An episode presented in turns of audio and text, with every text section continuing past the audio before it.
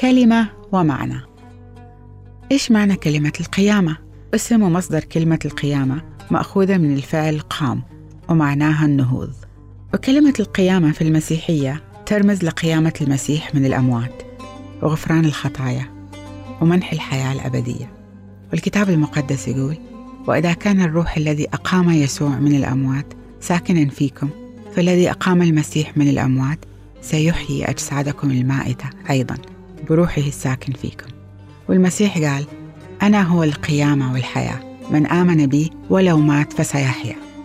يعني الإنسان يموت مع المسيح بالجسد وقوم إياه بالروح. يعني كل ذنوبنا وخطايانا تندفن مع المسيح.